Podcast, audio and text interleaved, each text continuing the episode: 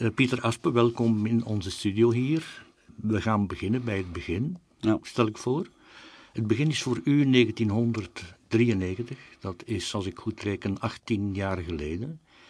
U hebt toen een eerste boek geschreven. Dat is wel tot stand gekomen in nogal speciale omstandigheden.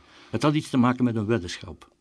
Eh, ik had destijds een, een vriend eh, die iedere week op bezoek kwam.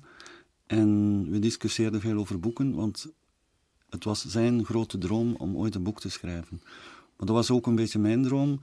En hij was er al tien jaar of, of langer mee bezig. En na een tijd begon dat een beetje op mijn zenuwen te werken, dus alleen erover praten. En toen heb ik gezegd, ik zou dat ook wel willen doen, maar ik heb daar geen tien jaar voor over.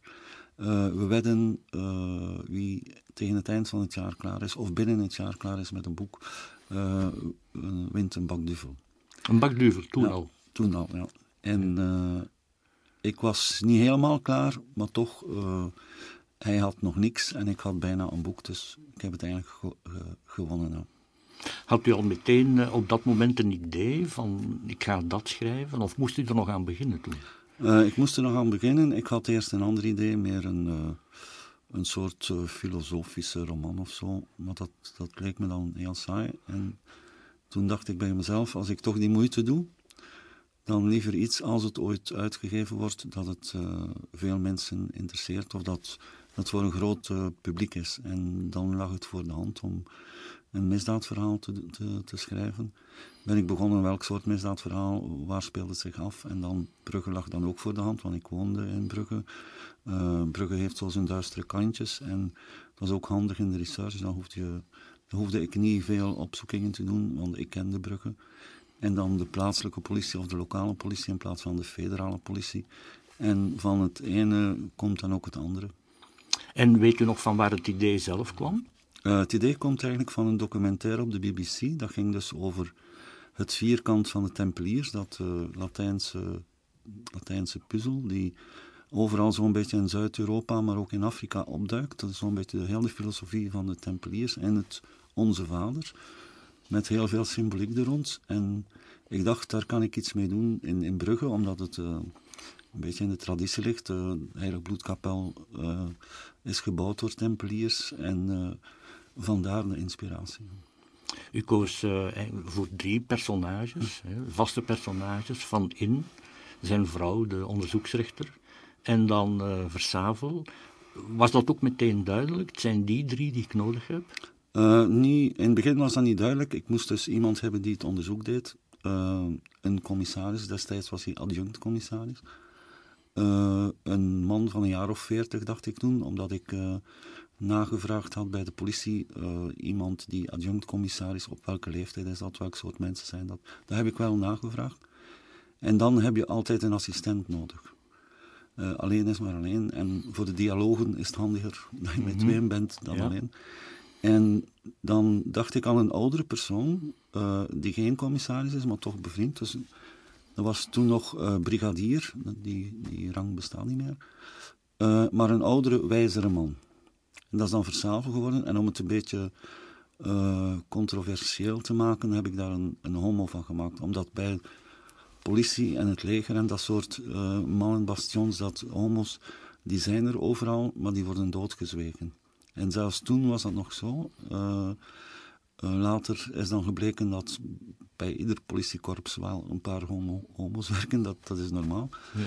En dan Hannelore is ontstaan, dus uh, hij was uh, net gescheiden in het eerste boek, omdat ik hem, uh, ik wilde een, een, vrije man om te beginnen, bedoel, die niet gebonden was door een, een, een familie of zo. En, maar hij kon ook niet alleen blijven en dan wordt hij verliefd. Ook een beetje wat in de realiteit soms moeilijk te begrijpen valt, maar het, het mag en het kan. En het is al gebeurd met een magistrate die veel jonger is dan hij. En zo is dat ontstaan. Was het oorspronkelijk geen andere figuur? Die mevrouw Martens, uh, zal ik maar zeggen, was dat geen stagiaire oorspronkelijk? Uh, nee, die is begonnen als uh, substituut. Dus ik, heb dat toen, ik heb toen ook navraag gedaan bij justitie.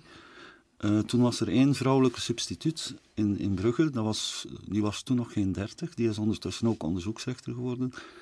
En dat was toen op het ogenblik dat veel vrouwelijke juristen voor een carrière kozen bij het parket. Dat was heel in het begin, want nu zijn er op de 30 substituten zijn er 15 of 16 uh, vrouwen. Mhm. Dus dat is zo'n beetje historisch ook, dat klopt met de werkelijkheid, dat toen de vrouwen eigenlijk massaal uh, gesolliciteerd hebben voor een loopbaan bij het parket. Ja.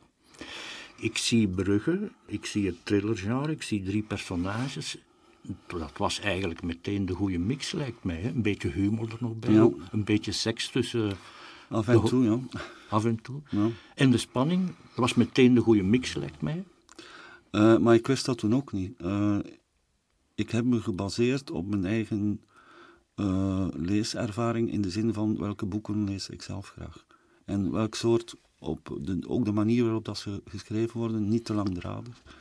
Eh, met een goede plot enzovoort enzovoort. En ik heb me daarop gebaseerd, maar ik had absoluut geen ervaring van het zelf te doen. Dus als je dat moet bedenken, is dat natuurlijk eh, ietsje anders dan dat je het leest, want dat, dat lijkt allemaal heel evident, omdat je het voorgeschoteld krijgt in de goede vorm en heel mooi afgewerkt. Dus eh, als je dat zelf moet bedenken, dat kost wel wat meer moeite. Uw manuscript was klaar en dan begon natuurlijk de zoektocht naar een uitgever.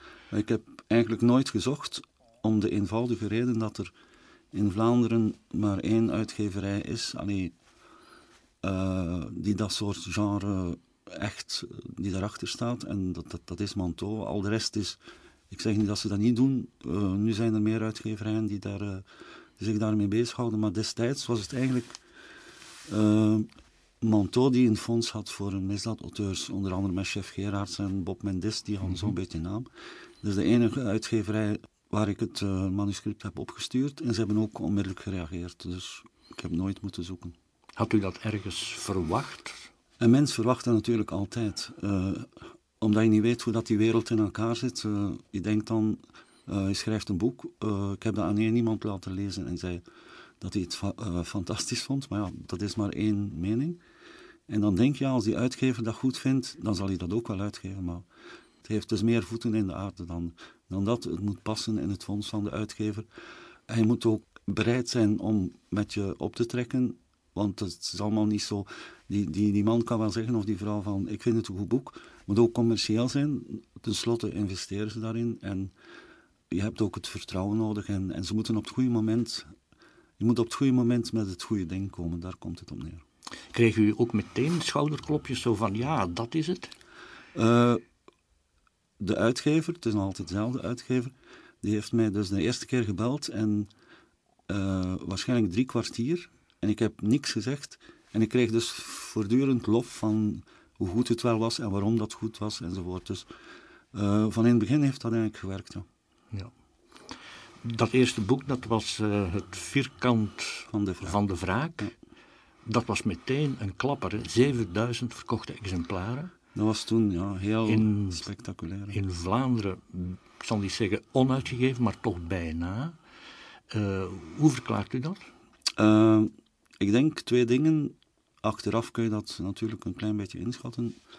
Er is enorm veel belangstelling geweest van de pers. Ehm, massale belangstelling, dat, dat doet wel iets voor een debutant. En ten tweede, het verhaal van een conciërge die dus plotseling een boek schrijft dat eh, succesvol is. Eh, als je iets vertelt of als er iets in de krant komt en er steekt een verhaal achter, dan zijn de mensen daar ook meer geïnteresseerd. En dan ten derde, eh, denk ik, mond-aan-mond reclame. Als mensen het goed vinden, dan vertellen ze door. En dat is de beste reclame die je kunt inbeelden. Ja, maar u kwam van nergens. De naam Aspe. Dat is ook waarschijnlijk een van die dingen. Ik kwam van nergens. En dat zijn van die dingen die tot de verbeelding spreken. Iemand die al vier keer geprobeerd heeft, bij manier van spreken. En dan lukt het de vijfde keer, is minder spe- spectaculair dan iemand die uit het niets komt. Ja.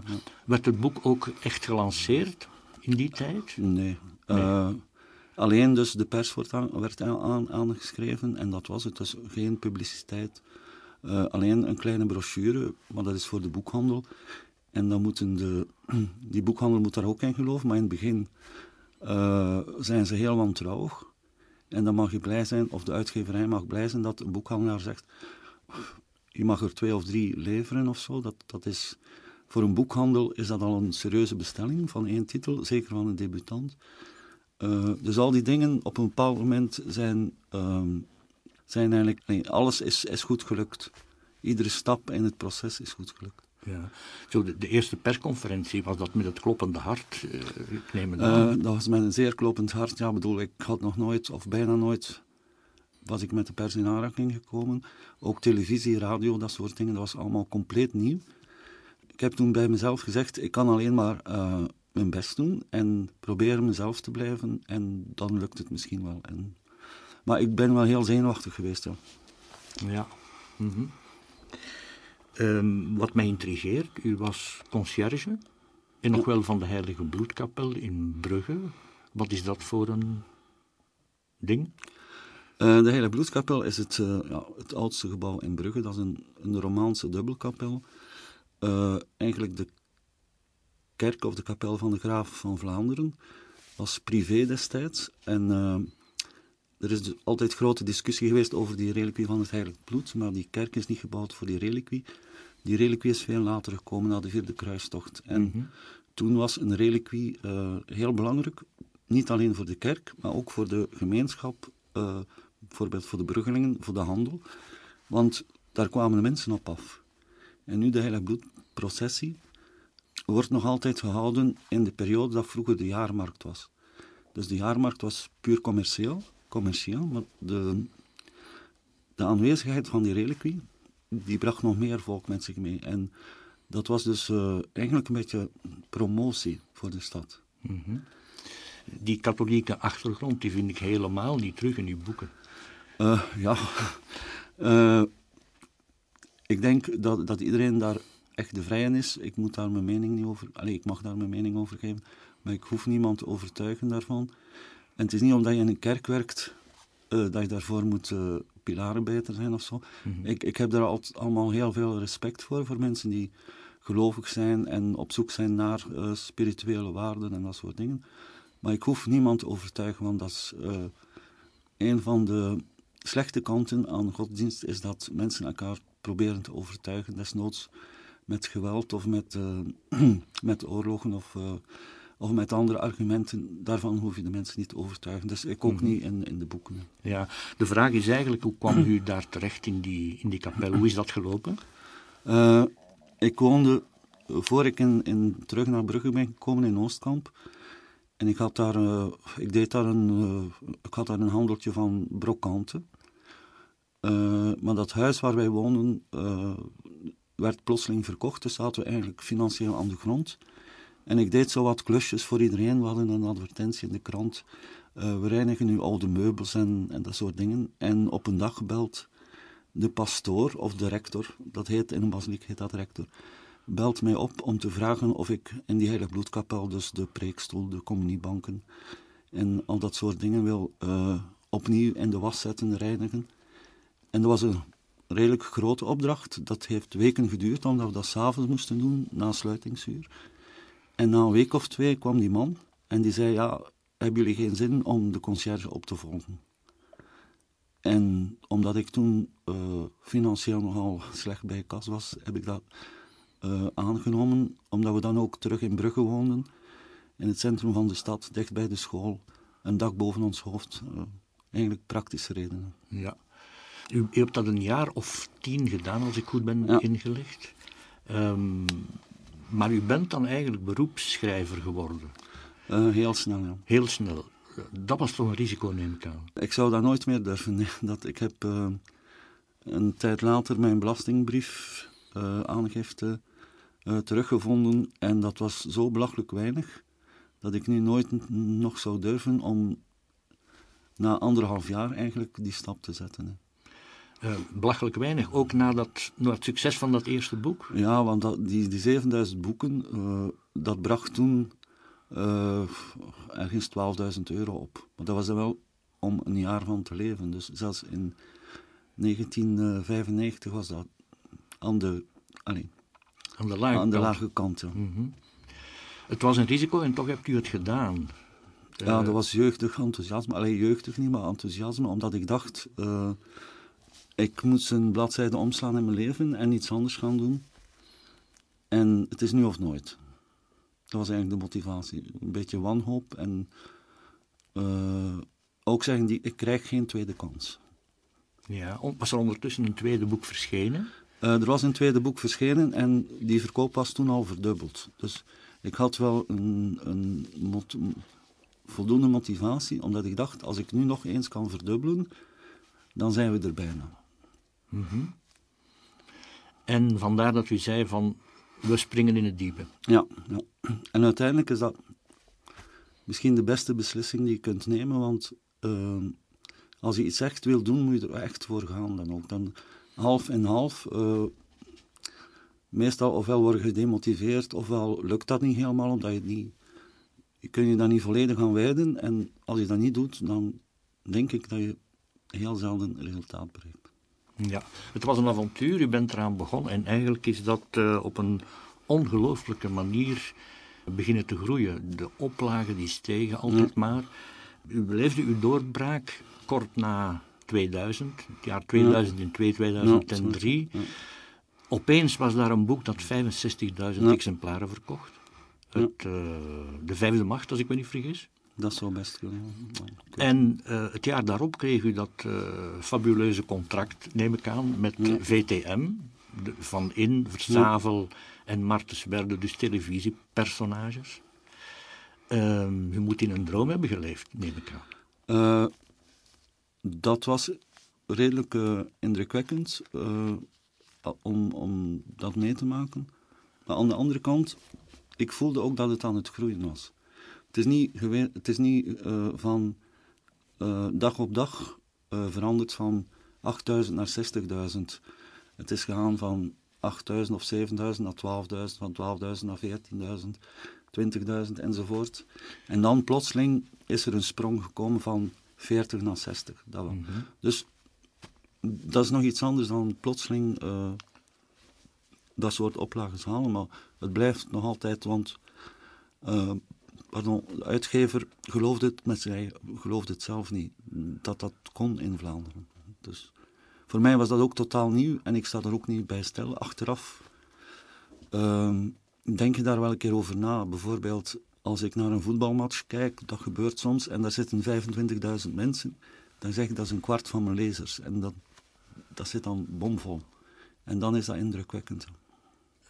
Mikt u op 100.000 lezers? Lezers, uh, als je 60.000 boeken verkoopt, dat is normaal maal factor 3, dan heb je 180.000 lezers. Omdat een mhm. boek wordt doorgegeven, mensen, een, een, koppel, ik zeg maar, man en vrouw, die lezen het meestal al bij, dan heb je al twee lezers. Uh, of ze lenen het uit aan, aan tante of onkel of, of dochter of zoon. En dan gemiddeld, daar zijn studies over, gemiddeld een één verkocht boek heeft drie lezers. Mm In die periode, uh, we spreken nu van de jaren 2002, 2003, werkte u aan uw twaalfde boek. Ja. En u zei toen, ik ga door tot 20 en dan zien we wel weer. U bent nu al aan 28. Ja, en nu hebben ze mij gevraagd, hoe lang ga je nu nog door? Ik heb nu gezegd tot aan 40. Dan ben ik een tijdje van die vraag af. Ik heb dat destijds ook geantwoord. Iedereen dacht van, uh, hoeveel boeken ga ik schrijven? Heb ik gezegd 20. En dan heeft men mij die vraag nooit meer gesteld, tot ik aan 1 of 22 boeken was. En nu gaat men weer vragen, hoeveel ga ik er nu? Dan zeg ik 40, ben ik er weer een tijdje vanaf. Ben je toch nog een tijdje zoet mee, hè? Maar dan ben ik ook 64 en dan is het misschien goed geweest aan, die, aan dat tempo. Ik zeg niet dat ik stop, maar twee per jaar is redelijk veel. Dus als ik nog haal tot uh, twee, aan, aan, dat tempo tot mijn 64ste, dan, dan is het goed. En dan stopt u ermee? Uh, nee, maar niet meer aan dat tempo. Ik ga dan misschien ofwel iets anders doen, of uh, allez, ander soort boeken, of een, iets nieuws opstarten. Of desnoods verder gaan met Van In, maar dan niet twee per jaar. Ik wou het net vragen, een, een ander genre eventueel, een roman, denkt u daaraan? Uh, ik heb daaraan gedacht, maar daarvoor heb ik wat meer tijd nodig. En ik zou dan waarschijnlijk een aantal maanden erover nadenken en iets uitproberen of zo, en dan eventueel beslissen van, doe ik dat? Een roman moet ook iets te zeggen hebben. Nu vertel ik verhalen. Een verhaal vertellen, dat heeft een structuur. Uh, je vertelt iets met een uh, begin, een einde en een ontknoping. Het is allemaal uh, een beetje structureel, maar een roman daar moet je ook iets vertellen, behalve het verhaal. En ik weet niet of dat mijn ding is, maar ik kan het altijd proberen natuurlijk. Heb je daar al enig idee rond? Nee. Nee. nee.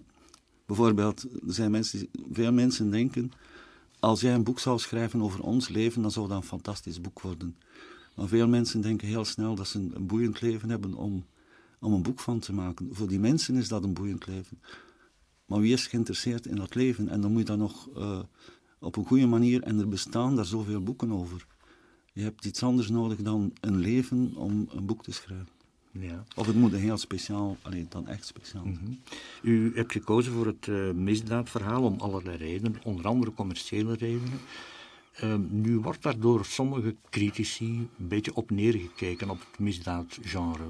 Dat wordt niet voor vol aangezien. Stoort u dat als men uh, dat zegt? Dat stoort mij niet als het met het, het goede argument is dat inderdaad uh, misdaadverhalen en andere verhalen, spannende verhalen ga ik maar zeggen, uh, die zijn ook niet bedoeld om de mensen tot nadenken aan te zetten. Uh, je kunt wel iets vertellen in een misdaadroman over de maatschappij, over relaties tussen mensen en dat soort dingen, maar uiteindelijk wil je de mensen ontspannen of een, een aantal ontspannen uren of dagen geven dat ze kunnen zeggen, we lezen dat boek en we klappen het dicht en het is goed geweest. Dat, dat is het verschil. Als, als je dat uh, accepteert, dan hoef je alleen te zeggen, is het een goed misdaadboek of een slecht misdaadboek.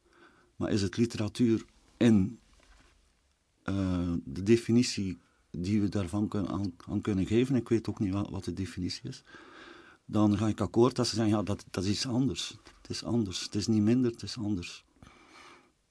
Ik vergelijk dat soms een beetje met gaan eten in een sterrenrestaurant en in een gewone frituur, uh, als het maar lekker is. Mm -hmm. Ja. Hebt u enig idee van de totale oplage van de, van de boeken die u tot nog toe geschreven hebt? Uh, ik heb alleen een idee van de Van Ins. Uh, dat zijn nu ongeveer 2 miljoen. 2 miljoen. Ja. Rekent u daar de vertalingen bij? Nee. Of enkel Vlaanderen en Nederland? Enkel wat in het Nederlands verschenen is. Ja. Dat is een gigantisch uh, dat zijn aantal. Heel, heel, veel boeken. Dat zijn heel veel boeken, inderdaad. Um, hoe loopt het met de vertalingen momenteel? Want ook het uh, buitenland heeft uh, interesse, niet alleen voor de VTM-serie, maar ook voor de verhalen als dusdanig. Ja, de, de, de vertalingen, uh, in Frankrijk loopt dat bijzonder goed. met Frankrijk, daar hoort dan ook het Franstalige gedeelte van België bij, dus Wallonië en Brussel, loopt het heel goed. Uh, Italië, dat is nog niet zo lang, maar het begin was heel veelbelovend. Spanje, daar weet ik nog heel weinig over, omdat dat pas van vorig jaar is. Zuid-Afrika is ook van vorig jaar. Nu is er Polen, dat is van vorige maand. Dus in feite van Frankrijk weet ik iets, maar van de rest weet ik nog te weinig om, uh, om daarover. Maar een, een, een mega succes is dat niet. De, in Frankrijk zitten we ergens uh, tussen de 20 en de 30.000, wat heel veel is. Maar dat is geen, daar is dat geen echte bestseller. Dat moet je 200.000, 250.000 halen. Het is een mm -hmm. groter land ook. Ja. Door uh, vertaald te worden, in het buitenland te verschijnen, is men nu de Vlaamse Simenon gaan noemen. Dat moet wel een heel groot compliment ja, zijn. Dat achtervolgt mij een beetje. Dat was het eerste interview uh, in Parijs voor... Uh, ik ben de naam van de krant vergeten, maar een bekende krant. Le Figaro? Le Figaro, ja. En die man heeft dat zelf uh, gezegd, omdat hij het boek had gelezen en gezegd, ja, de manier waarop dat je de, de mensen een, een leven geeft, lijkt een beetje op Simenon. En dat is ook uh, herkenbaar voor de Fransen. Uh, als je niet kennen, dan is het best dat je het vergelijkt met iets of iemand dat ze wel kennen. En dus de Fransen kennen Simenon. En er zijn een paar gelijkenissen. Allee, ik ga daar wel mee akkoord, maar dat is nu het is toch heel anders. Maar op die manier heeft hij wel gelijk. En uh, je moet het ook een beetje zo zien. Uh, maar dat, het is beter vergeleken te worden met Simenon dan met sommige anderen natuurlijk. Aan wie denkt u? Ik heb nu geen naam. ik heb nu geen naam in mijn achterhoofd. Maar allee, er zijn uh, misschien mensen met wie ik niet zou willen vergelijken worden. Maar ik, ik kan me daar nu niet... allee, toch geen Fransen of zo. Maar voor, voor hen klinkt dat als een klok.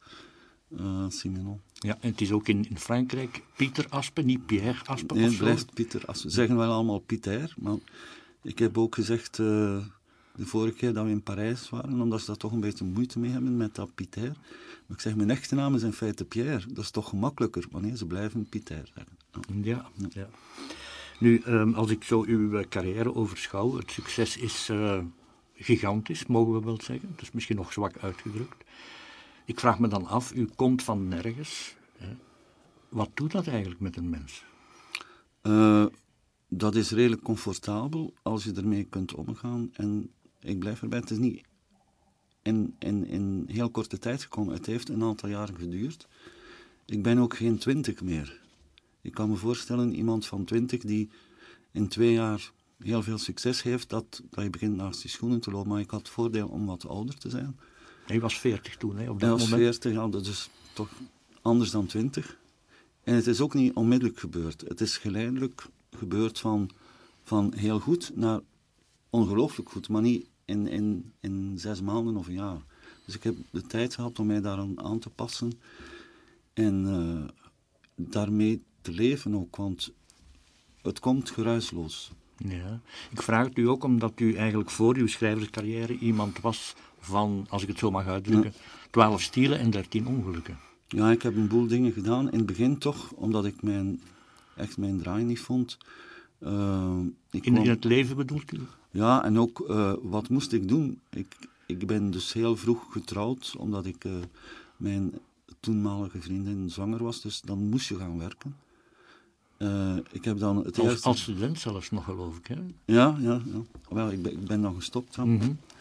um, en dan neem je het eerste het beste. Dat was natuurlijk dat was verkoper van plastic buizen of zo. Dat interesseerde mij dus niet. Maar ik moest dus geld verdienen om mijn gezin te onderhouden. En uh, ik heb dat drie maanden gedaan. Ondertussen iets anders gezocht. Dat was ook niks. En dan heb ik in een jaar of drie waarschijnlijk vijf of zes dingen gedaan. Uh, die me dus niet bevielen. Tot ik uiteindelijk zelfstandig geworden ben. En dan later die conciërge. Want dan heb ik zelfstandig en conciërge. Dat heb ik samen 20 jaar gedaan en nu 16 of 18 jaar, 16 jaar schrijven. Dat is toch al 36 jaar van mijn beroepsleven, laat ik maar zeggen, heb ik ongeveer hetzelfde gedaan. Mm -hmm. Maar daarvoor heb ik een, een boel dingen gedaan. Het was, ik, ik, neem aan, het was een, een moeilijke periode, zelfs bij momenten zwarte sneeuw. Ja, dat, dat gebeurt als je een aantal tegenslagen naar elkaar krijgt en ook als er geen, geen, geen inkomen meer is, geen geld meer binnenkomt. Dan moet je heel creatief worden, maar als er dan een moment komt dat er werkelijk niks meer is, en met niks bedoel ik dan geen eten, uh, wat, wat, doe je dan? Gaan bedelen of toch iets zoeken? En ik ben er toch telkens in geslaagd om op de meest, uh, ja, weet ik veel, vreemde manieren toch uh, iets te gaan verdienen. Bijvoorbeeld met die meubels, daar kwam dan toen een opdracht uit de lucht gevallen of mensen belden mij van kun je dit doen of dat doen en dat was uh, een kleine verhuizing of zo. Ik vroeg daarvoor 500 frank. En, maar dat was 500 frank. En dan konden we weer een dag of twee verder. En was het werkelijk zo? Uitkijken naar de dag van morgen om en, te zien? Ja, ja. Kom het ik was, er wel? Het was van dag op dag. Dat heeft, denk ik, toch uh, oh, uh, bijna een jaar geduurd. En dat, dat geldt dus voor alles. Dat is ook, het is winter. En is er brandstof, want wij hadden een houtkachel omdat dat was het enige dat we ons konden permitteren. En hout, dat vind je een beetje, overal. Maar als de voorraad op is, dan moet je hout kopen. En als je dat niet kunt kopen, dan kochten wij van die soorten geperste kooks. Maar dat was dan voor één dag. En de volgende dag, ja, dan zagen we wel uh, of er geld was voor die kooks, of dat we ergens hout konden krijgen of zo. Ja. Kon u daarmee leven eigenlijk? Oh, je wordt dat ook gewend, maar het mag niet te erg worden. Allee, als, als het echt blijft duren, dat je in zo'n spiraal van ellende terechtkomt, dan denk ik dat je er ook aan ten onder gaat. Maar er was telkens weer zo'n straaltje hoop. En uiteindelijk zijn we er ook uitgeklommen. Mm -hmm. Na een jaar. Wat relatief lang is, maar toch ook niet een grote periode in je leven. Maar toch lang genoeg om te beseffen dat het, uh, dat het moeilijk is. Hè. Ja, wat mij frappeerde bij het doorlezen van een aantal knipsels. In een van de weekbladen zag ik de titel... Met mijn stempelgeld kocht ik voor 5000 frank caviar. Is dat ooit gebeurd? Uh, dat, dat, is, dat is gebeurd, ja. Uh, uh, maar er was toen nog iets anders bij. Ik had dan ook een financiële meeval, maar ik stempelde toen, ja. Maar dat was zo om, om de ellende te ontvluchten, gaan we iets, iets totaal zots doen. En dat lucht dan op, zo'n ding, ja. Als dat eenmalig is. En, Ik neem, het waren niet de laatste 5000 frank, neem ik aan. Nee, toen niet, nee. Maar ik stempelde wel. Ja.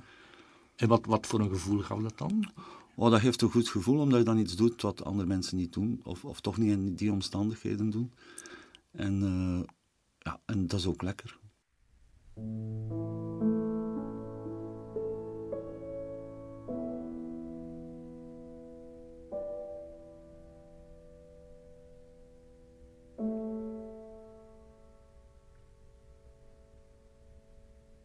Als ik zo uw leven overschouw, dat eerste gedeelte van, laten we zeggen, een jaar of twintig, en dat gedeelte nu, dan zie ik eigenlijk een soort avonturier met een soort anarchistisch kantje. Klopt dat, die typering? Of is dat toch een beetje te eenzijdig? Ik heb altijd een beetje gedaan wat ik zelf wilde doen. Met, en met schade en schande ondervonden wat lukte en wat niet lukte. Dat, dat klopt wel. En me nooit echt neergelegd bij... Ik heb een aantal kansen gekregen ook, die ik dus uh, verkwanseld heb. Gewoon omdat ik niet wilde meedraaien in dat systeem. Ik ben bijvoorbeeld vast benoemd geweest bij de zeevaartpolitie. En ik heb dat geweigerd, omdat ik zeg, dan is dat voor de rest van mijn leven en ik doe dat niet. Omdat u het niet graag deed? Ja, dat was, maar gewoon niet in het systeem terecht willen komen. Want dat is zo verleidelijk, dat systeem. Uh, dat was niet, dat was een, een eigenlijk een, een, een, mooie job. Eigenlijk, uh, we hadden heel veel vrijheid, je ziet een boel dingen. Ik kom met veel mensen in contact. Maar dan wist ik eenmaal vast benoemd, dan kom je daar nooit meer uit. Want dan ga je dingen doen in functie van, ik doe dat hier tot, uh, tot aan mijn pensioen. Uh, en iemand, ik, ik weet niet hoeveel mensen die in vaste dienst zijn, die ontslag durven nemen om iets anders te doen. Nu misschien meer dan, dan vroeger. Die zeggen, uh, we doen dat ook niet meer. Maar ik was toen, in de jaren zeventig, uh, heb ik dat altijd voor mezelf beslist. Ik doe dat nooit. En mm -hmm. ik heb dat ook nooit gedaan. Ja, als ik uh, dat zo hoor, 2 miljoen verkochte exemplaren, dan zie ik de miljoenen euro's op mij afkomen. Um, leeft u nu op grote voet? Uh, grote voet, we leven comfortabel, dat ga ik niet verstoppen, maar uh, op grote voet, nee. Dat, dat verandert eigenlijk niks aan je leven. Als je nu, ik geef dat voorbeeld van die caviar, ik zou nu niet zeggen, ik ga iedere dag voor 5000 caviar frank of voor 100 euro caviar kopen. maar ik hoef me daar nu niet, niet voor alleen pijn te doen. Maar dat, dat is het leven niet. Maar je hebt natuurlijk een aantal voordelen. Als de, de wasmachine stuk is, dan ga ik gewoon een andere gaan kopen. Vroeger was dat een heel groot probleem. probleem. Uh, de wasmachine is stuk en hoe kopen wij een andere? Mm -hmm. dat, dat is veranderd. Ja. U zegt uh, dat is het leven niet. Wat, wat is het dan wel volgens u? waarom draait het? Ja, waarom draait het leven? Iedereen probeert gelukkig te zijn op zijn manier. Dat is één. En, en, en toch in, in een zekere in comfortabele omstandigheden. En dat wil niet zeggen luxe, maar de normale dingen, dat je kunt een aantal dingen realiseren, uh, een aantal doelen bereiken die je gesteld hebt. al dat soort dingen maken het leven interessant. Uh, tegenslag hoort daarbij, maar dan ook niet dat je onder de grond geduwd wordt. Avontuurlijk genoeg om het, om het plezant te houden. Allee, al de, maar wie, wie krijgt dat in zijn leven? Dat, dat, dat is heel zelden dat een mens zoiets krijgt. Dus ik krijg dat ook niet. Ik krijg niks. Uh, maar je kunt zoveel mogelijk dingen proberen te bereiken. Mm -hmm. En de vrijheid, ja. Uh, de vrijheid is heel belangrijk. Ja, de vrijheid. En dan denk ik onmiddellijk aan de discipline die u aan de dag legt. Dat is de prijs voor de vrijheid, ja. Maar de discipline is zo, uh, ik denk zonder discipline kun je geen boek schrijven.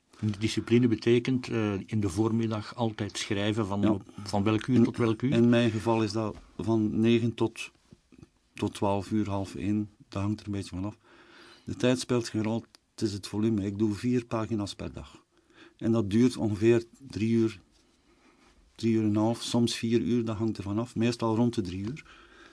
En dan heb ik mijn werk gedaan, dan is het middag. En s'namiddags doe ik dan wel andere dingen, maar je kunt dat niet volhouden, ik toch niet. Dus van s tot s avonds iedere dag. Als je de discipline wil volhouden, dan moet je ook jezelf belonen en zeggen: Ik doe wat ik met mezelf afgesproken heb en dan, dan stop ik ermee. En morgen opnieuw enzovoort. Is dat uh, zeven dagen op zeven zes, op die manier? Zes op zeven. Ja. Zes op zeven. Ja. Dus ook de zaterdag? De zaterdag ook, als. In de voormiddag, dus mijn weekend begint de zaterdag uh, rond de middag. En dan is het tot zondagavond? Uh, tot maandagmorgen. Tot maandagmorgen. Bent u ondertussen ook niet aan het denken aan allerlei plots? Ik denk daar heel weinig over na. In de zin, dat zit ergens in mijn achterhoofd, denk ik. Je bent daar niet bewust mee bezig, maar onbewust ben je wel bezig, omdat je dingen um, opslorpt. In functie van het boek dat je aan het schrijven bent. Dus het vorige boek had iets te maken met, met Congo, uh, met Santiago de Compostela. Wel, dan, dan alles wat ik hoor of zie, staat blijkbaar in dat teken. Ik weet niet, je, je ontwikkelt dan op dat moment een speciaal zintuig om dat allemaal op te vangen. En dan doe je er wel iets mee. Maar er echt over nadenken, eigenlijk alleen als ik aan, aan, aan, aan mijn computer zit, dan, dan komt dat eigenlijk, kan ik zeggen, vanzelf. Maar dan moet je het ook doen. Je moet je verplichten om te zeggen, nu gaan we het doen. Want dat nadenken, dat kost alleen tijd. En dan zit je nu nadien nog na te denken. Dus eigenlijk, schrijven is de beste therapie.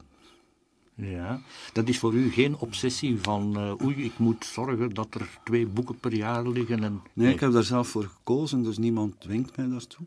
Maar ik zit nu, ik heb dat systeem zelf, uh, allez, ik kan niet zeggen bedacht, maar uh, ik ben er zelf mee begonnen en ik houd dat ook zelf in stand.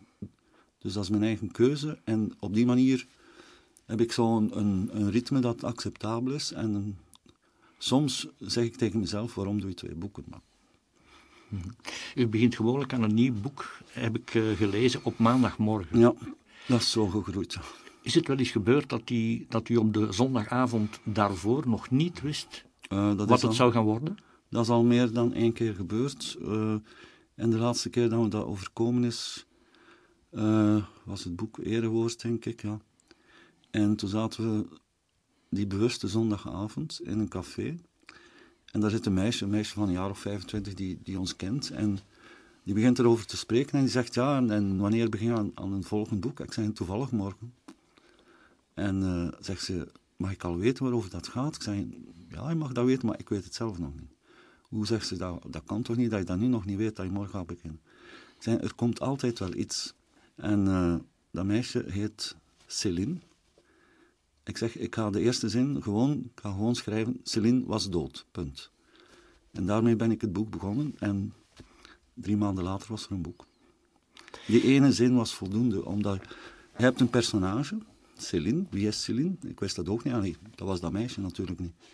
En was dood. Waarom is ze dood? Is ze vermoord? Is ze, heeft ze zelfmoord gepleegd? Uh, is ze ziek geworden? Dan begin je daarover na te denken, na te denken en aan één zin heb je soms genoeg om, om een boek uh, aan op te hangen. Maar is het dan niet zo dat het soms uh, in de soep loopt? Dat u halverwege eigenlijk niet meer weet van in welke richting moet ik nu verder gaan? Uh, dat is een kwestie van, van, van logica, denk ik. Dus ik probeer iedere keer iets op te bouwen dat wat er volgt gebaseerd is op wat er voor staat. Op die manier heb je tenminste een structuur en daar lopen dingen in mis. Maar kleine dingen, details die je later kunt aanpassen. En tot nu toe is dat nog, dat is nog maar één keer verkeerd gelopen, maar dat is heel lang geleden. Met de vierde gestalte, dat was het vierde boek. Ben ik dus, ik had drie kwart van een boek, dus dat is toch al een serieus volume.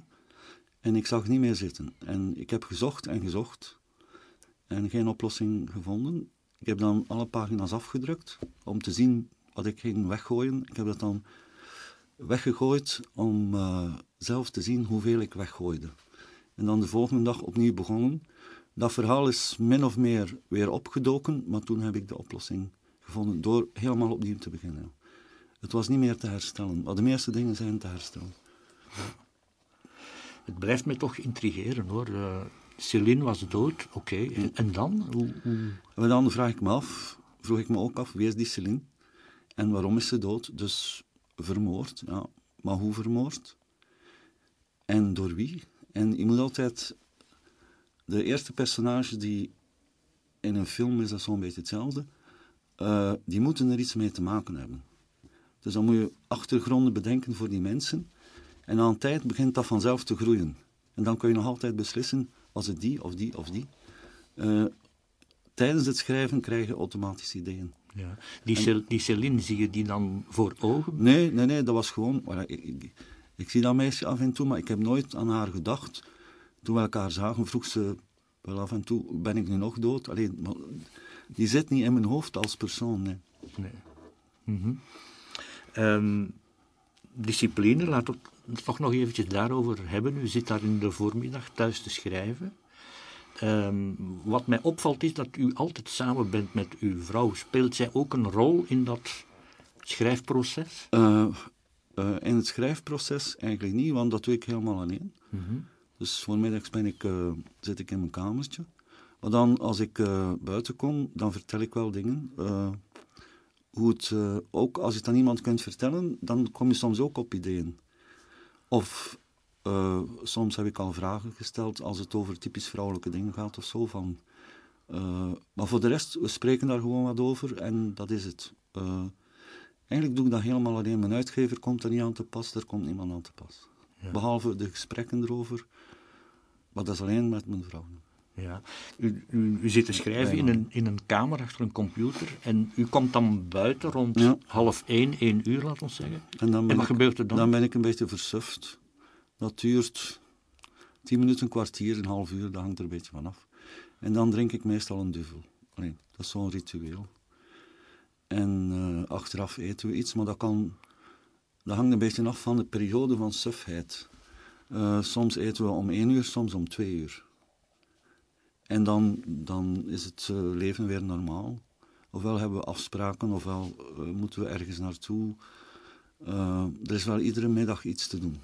Ja.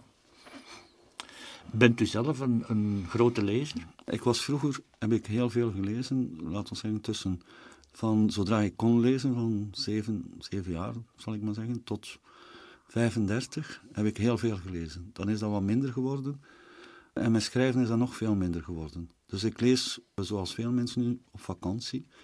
En af en toe, als, er een, als ik op een interessant boek val, dan ga ik dat wel uh, tussendoor nog lezen, maar toch heel, heel wat minder dan vroeger, omdat uiteindelijk zit je de helft van de dag bezig met schrijven en dan nog lezen, zit je weer met boeken bezig.